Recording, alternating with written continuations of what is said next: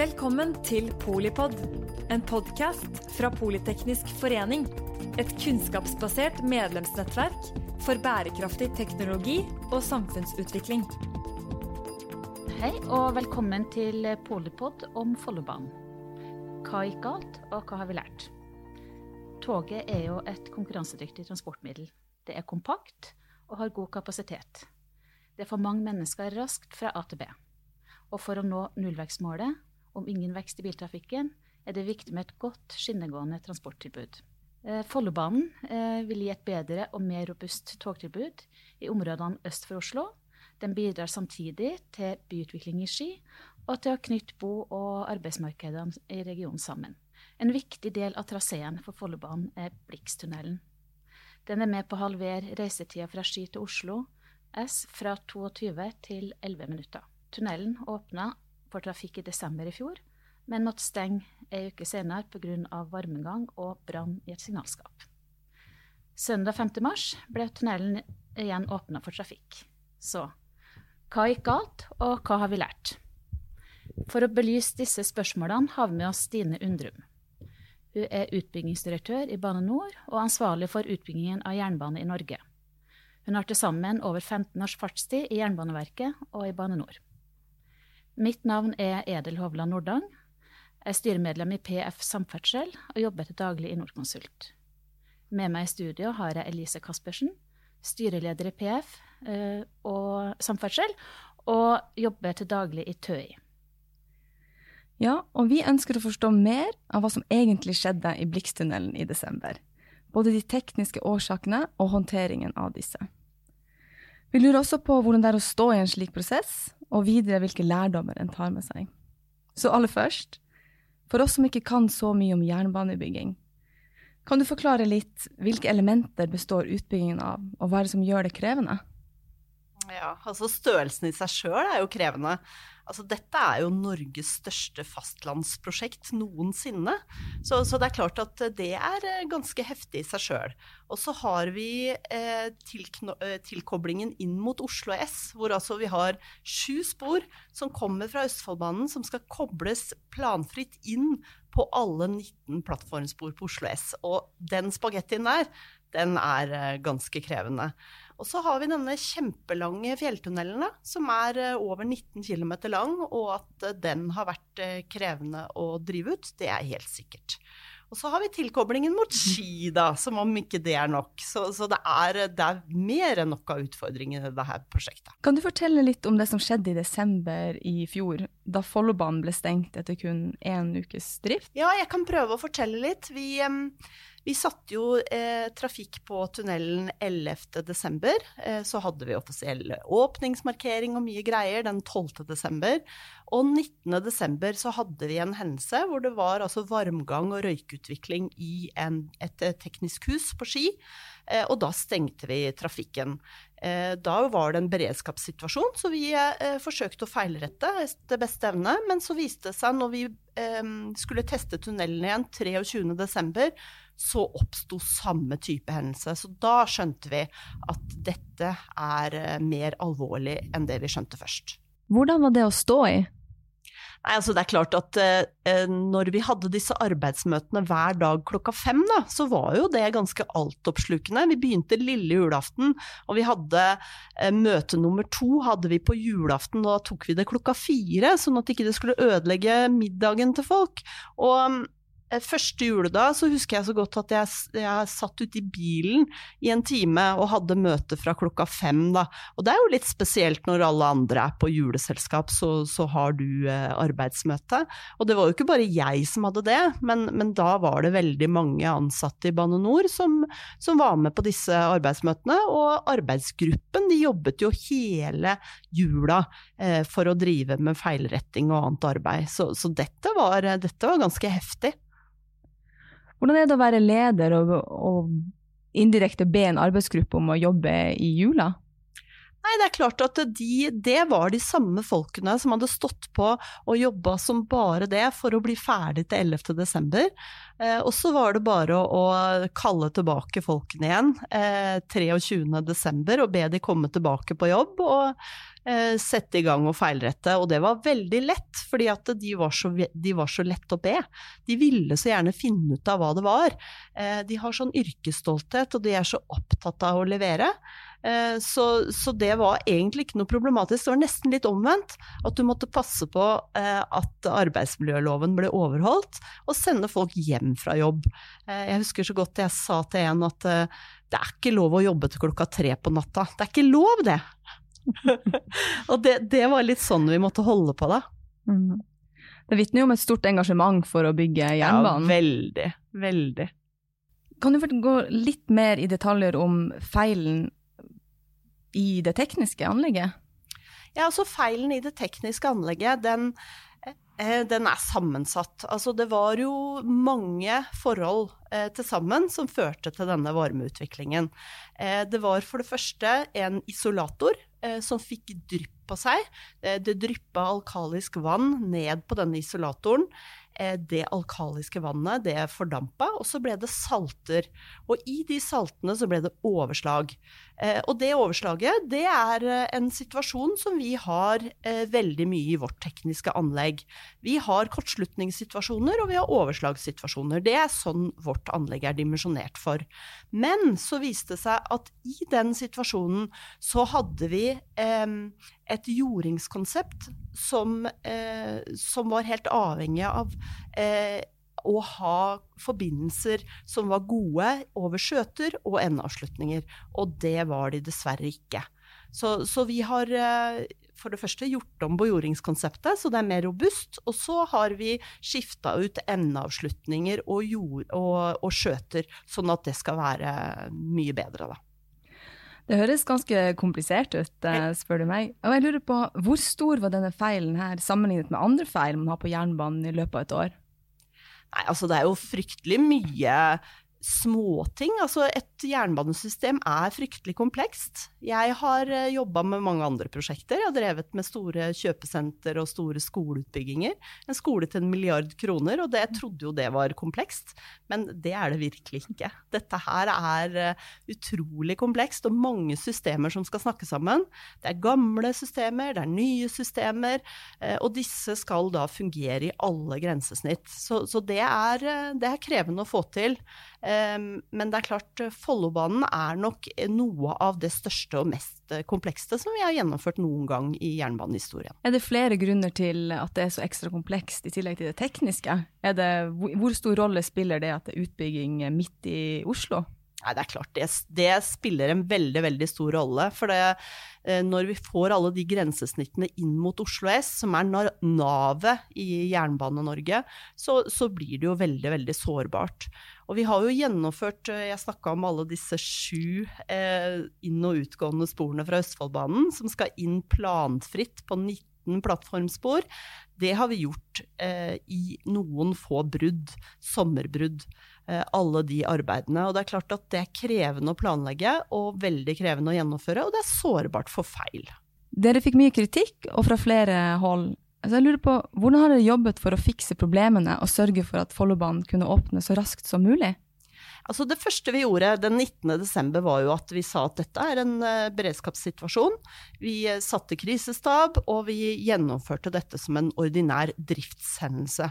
Eh, også når vi så at vi ikke klarte å feilrette det fram til 23.12., så eh, gjorde vi noe litt mer permanent. Vi nedsatte en egen arbeidsgruppe med en leder for, som også var eh, den prosjektsjefen som hadde hatt ansvar for selve tunnelen, eh, og som hadde med seg en eh, en assisterende som eh, var prosjektsjef for Ski stasjon.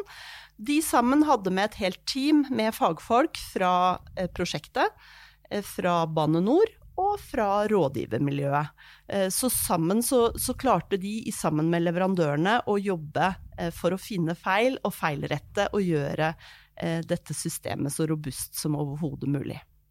De jobbet ganske intenst i en to-tre måneders tid?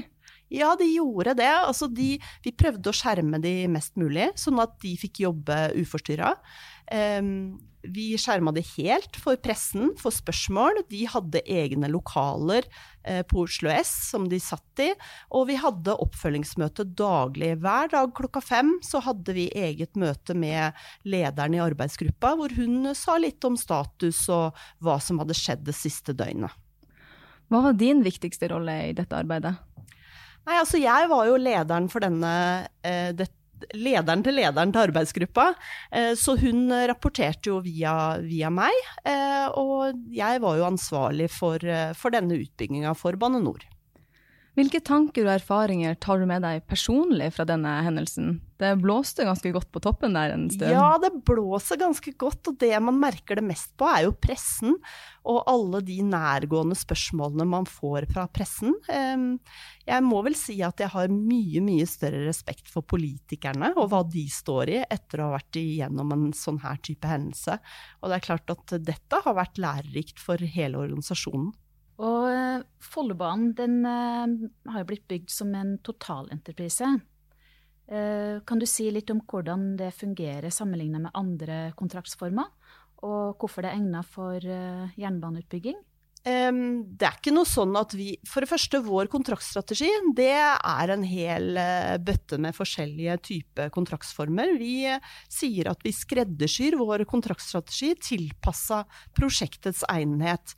Så, så, her har vi valgt totalentreprise fordi vi mente at det var prosjektet best egnet til.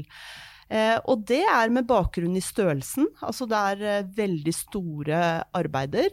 Um, og det gikk an å, å, jobbe med dette uavhengig av resten av systemet. Så derfor ble dette en uh, totalentreprise. Og da har man også ansvar både for utførelsen og for planlegginga.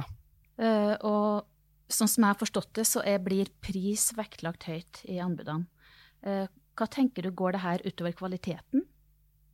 Nei, altså når vi, eh, når vi, gjennomfører disse anskaffelsesprosessene våre, så har vi det som en totrinnsrakett. Sånn at vi prekvalifiserer først, og så gjennomfører vi selve anskaffelsesprosessen. Og vi har eh, vi har altså eh, anskaffelser med forhandling, og da har man også mulighet til å gjøre mange avklaringer underveis. Men selve prekvalifiseringen, det er egentlig der vi sørger for at våre leverandører er kompetente til å levere pris.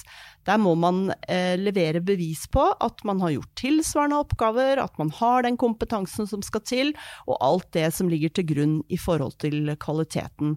Og så er det sånn at vi vekter eh, pris eh, fra eh, altså helt ned i 0% vekter vi faktisk pris, og kvalitet 100 mm. Og det kan være opp til at vi vekter pris 70% og kvalitet 30% Men det er en vurdering vi gjør i hvert enkelt tilfelle. Og hvilke andre krav er det som stilles i en anbudskonkurranse?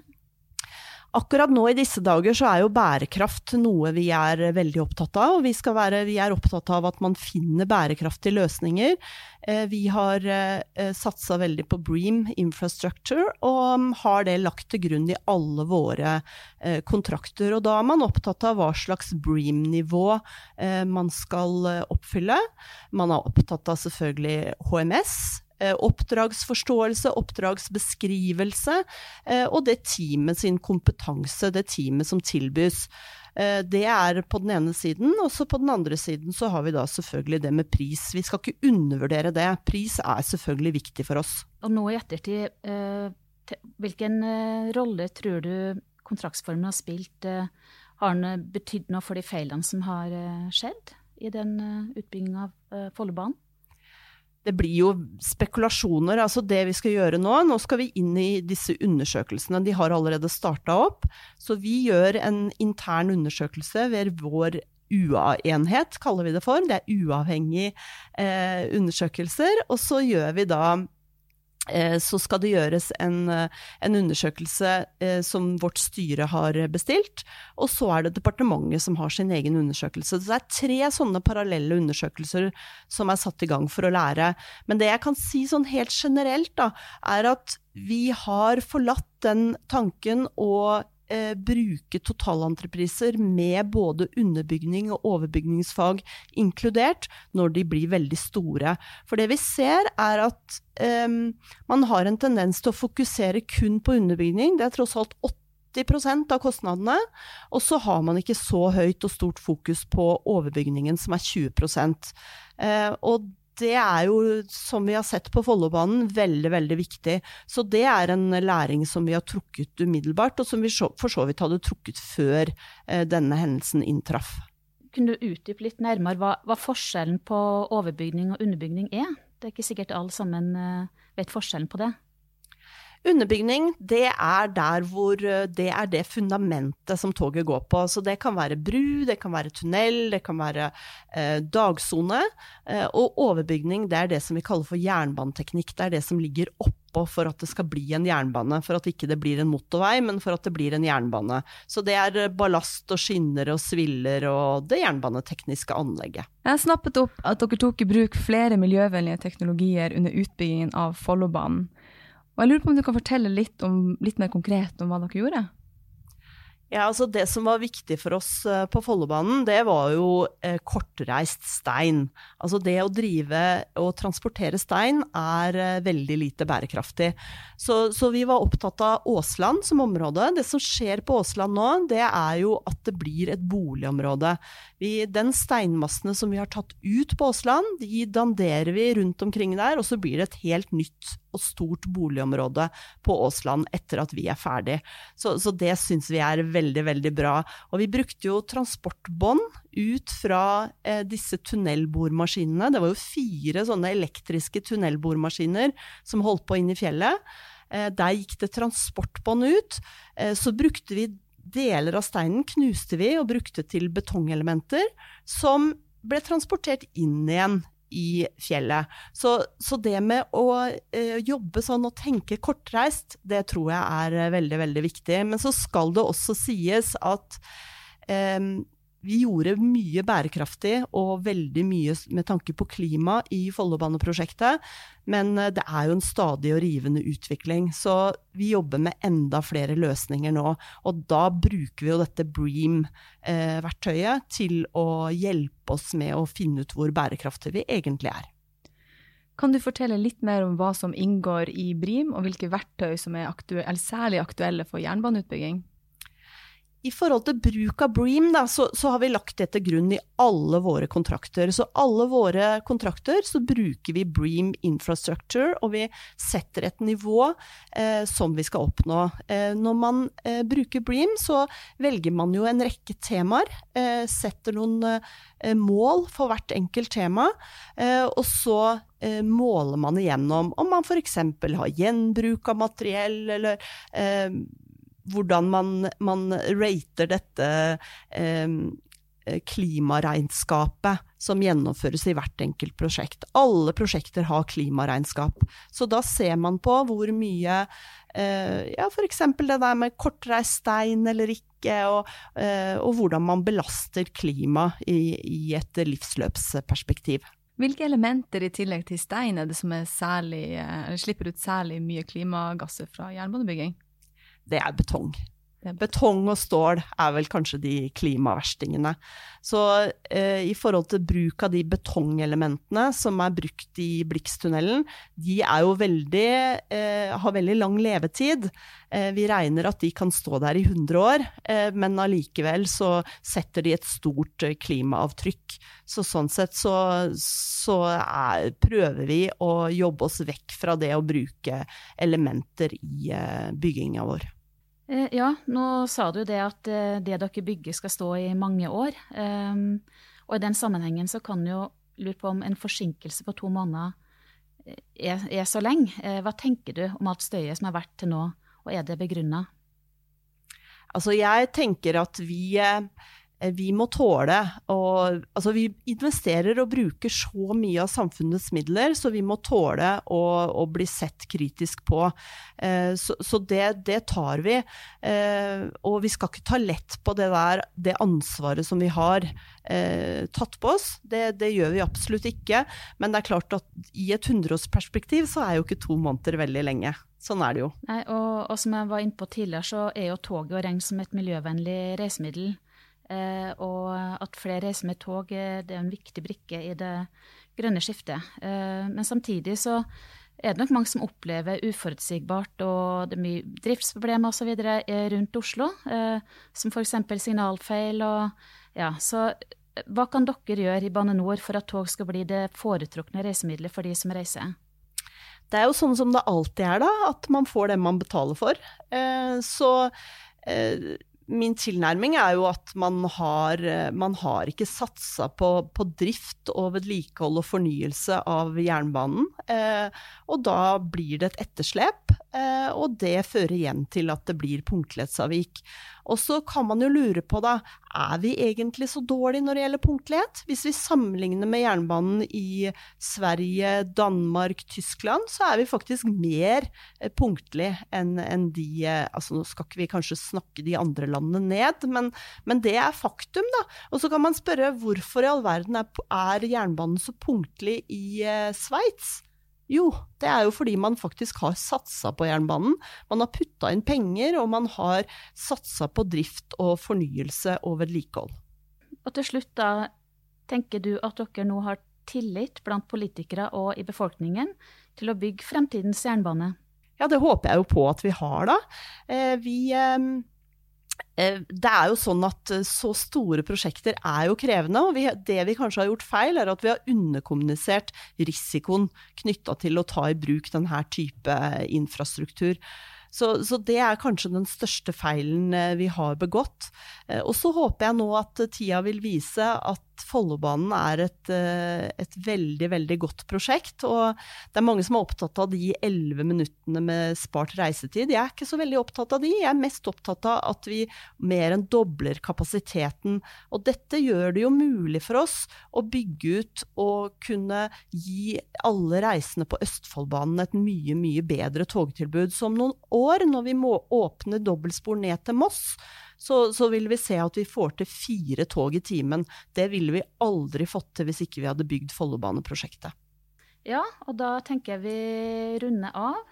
Eh, vi håper at dere som har hørt på, har fått en bedre forståelse for kompleksiteten i det å bygge jernbane. Det har i hvert fall vi som sitter her fått. Tusen takk, Stine, for at du stilte opp til en prat med oss her i PF Samferdsel. Takk for at du lyttet til Polipod fra Politeknisk forening. Få med deg flere episoder eller bli med på nettverksmøtene som du finner på at polyteknisk.